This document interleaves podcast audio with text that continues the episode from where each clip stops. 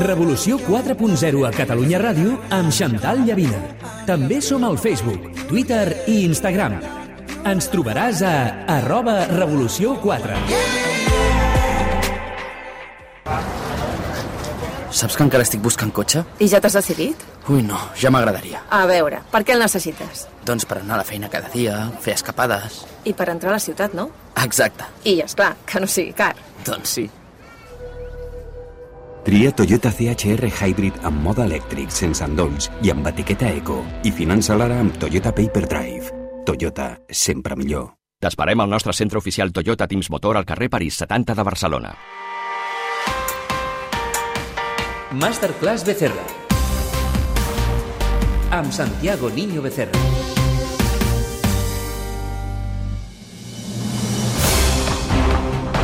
Molta gent s'ha quedat sense feina d'un dia per l'altre. Grans empreses, pimes, botiguers, treballadors autònoms. Ara mateix ja afecta a més d'un milió i mig de treballadors. Com es pot sostenir una situació així quan acabi el confinament, tot tornarà a la normalitat, ens preguntem, o ja res serà igual que sempre? Bona nit, Santiago Niño Becerra, què tal? Què tal? Bona nit, bona nit, Santal. Com portes, com portes aquest confinament? Primera pregunta. Bueno, pues treballant moltíssim. O sigui, és a dir, primer, que això que diuen de que el, el, el treball a distància, el teletreball, és menys cansat que anar a una oficina tal, això, bueno, jo amb els meus alumnes he muntat un sistema via Outlook i via Skype i tal, i, bueno, i és que, és que jo treballo molt, molt més. A més, bueno, estan tots els mitjans que em truqueu i tal, o sigui, jo vaig a tope, a, a tope, literal. Bé, uh, en el teu cas sí, esperem que molta altra gent també pugui fer teletreball val? i es pugui seguir treballant, però clar, ens preocupa que l'estat espanyol més d'un milió i mig de persones ja pateixen un ERTE. Eh, com es planta cara? Doncs ens preguntem a una situació que fa dos mesos ningú imaginava, Santiago. A veure, el, jo, sota el meu punt de vista, el problema no és tant aquest milió i mig de persones que, segons quines fonts pot arribar a dos, dos i mig milions, el problema no és tant aquesta gent, ara, aquestes persones, sinó el de després.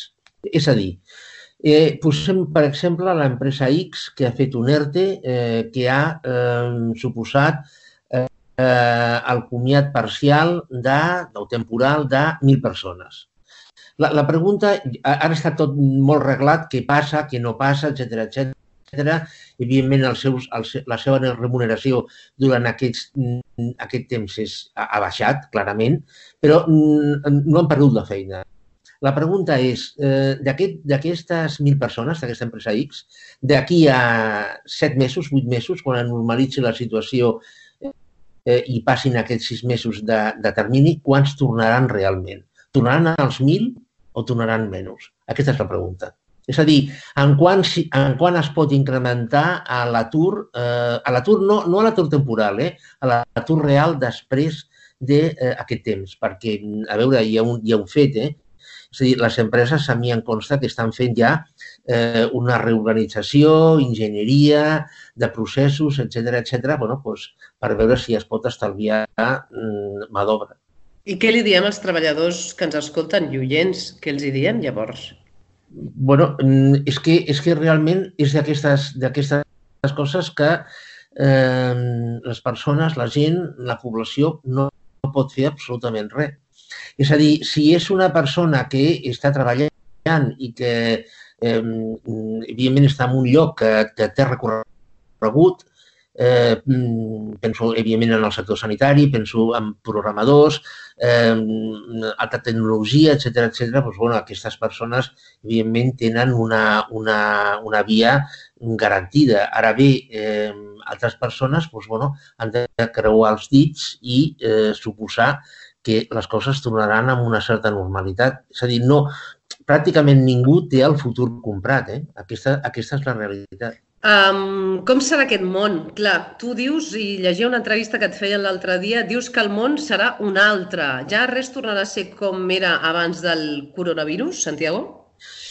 A, veure, és que eh, aquesta crisi eh, no, no és una crisi. Això, a, a, això que està passant ara s'ha comparat amb la, amb la gripe, amb la gripe espanyola del 18 i s'ha comparat amb el 2008, eh, és que no, no, no té res a veure. Això, és una altra història. És a dir, mm, mai en època moderna mm, l'activitat econòmica s'havia aturat. És a dir, és que està tot aturat. Hi ha, hi ha sectors que ens han aturat al 90%. És a dir, és, és pràcticament una, una aturada absoluta. Això no havia passat mai. Em sem de, em sem, eh, hem de tornar al segle XVI per, per trobar alguna semblant, segle XVI-XVII. És a dir, això és nou, no hi ha models, no hi ha models per això. Llavors, el que, el que, el que, el que s'està fent eh, és redissenyar coses. És a dir, per exemple, el treball a distància. El treball a distància, el teletreball, és algo que mm, es va inventar a eh, començaments dels anys 90, és a dir, portava molt de temps. I, i hi ha gent que sí que tra treballava a distància.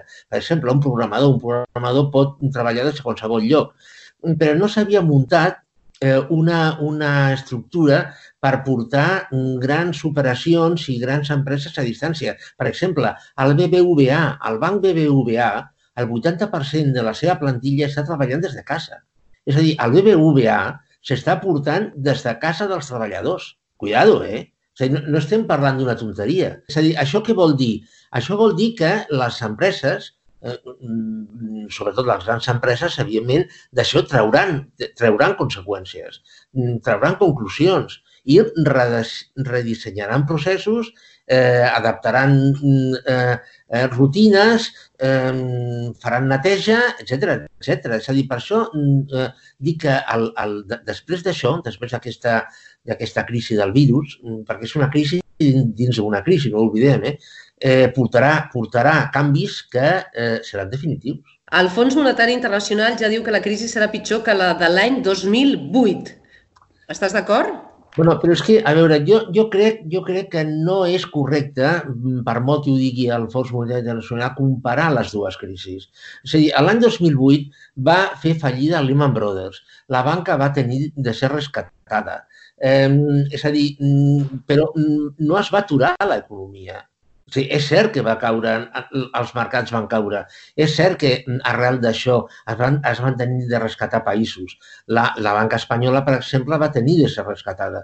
Però, però no es va aturar l'economia. L'economia va seguir. No es, van aturar, no es van tancar bars, ni es van tancar restaurants, les línies aèries van continuar volant, etc etc. Ara no.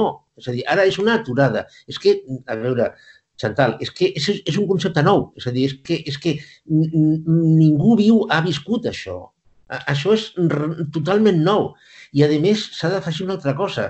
No se sap durant quant de temps això continuarà. Perquè ara ja estan les teories. Un mes, dos mesos, tres, és a dir, aquí ja cadascú diu la seva. És a dir, però la realitat és que ara per ara, avui, a dia de la, de la data, l'economia està aturada. I, I llavors, clar, refer això posar en marxa això no és avui per demà. Eh? És a dir, no és que poso la roba a la, la roba a la rentadora, poso el sabó, el suavitzant, engego i, i allò tira. No, no, això no va així. Eh? És a dir, això té conseqüències. És a dir, la, la, la posada en marxa serà progressiva. No es, no es pot passar de 0 a 1 d'avui per demà. No, no. És a dir, te, tenim l'aturada aquesta i després tindrem un temps de posada en marxa això, això, això és, bueno, ja dic que és nou, no hi ha models. Aturada l'economia, com dius. Uh, clar, aviat molta gent ens preguntem, es començarà a quedar sense liquidesa, no? Jo crec que, a veure què en penses, anem a una renda bàsica universal, el govern hauria de començar a donar directament diners als ciutadans que no tinguin liquidesa? Bueno, aquí hi ha un tema, aquí hi ha un tema, un tema que té tres, tres vessants. Per una banda, per una banda, està les grans empreses. Les grans empreses, en principi, al principi no tindran problemes, és, és a dir, la seva facturació baixarà, evidentment, eh, però, per altra banda, és a dir, tindran, tenen, tenen un, un coixí financer per aguantar.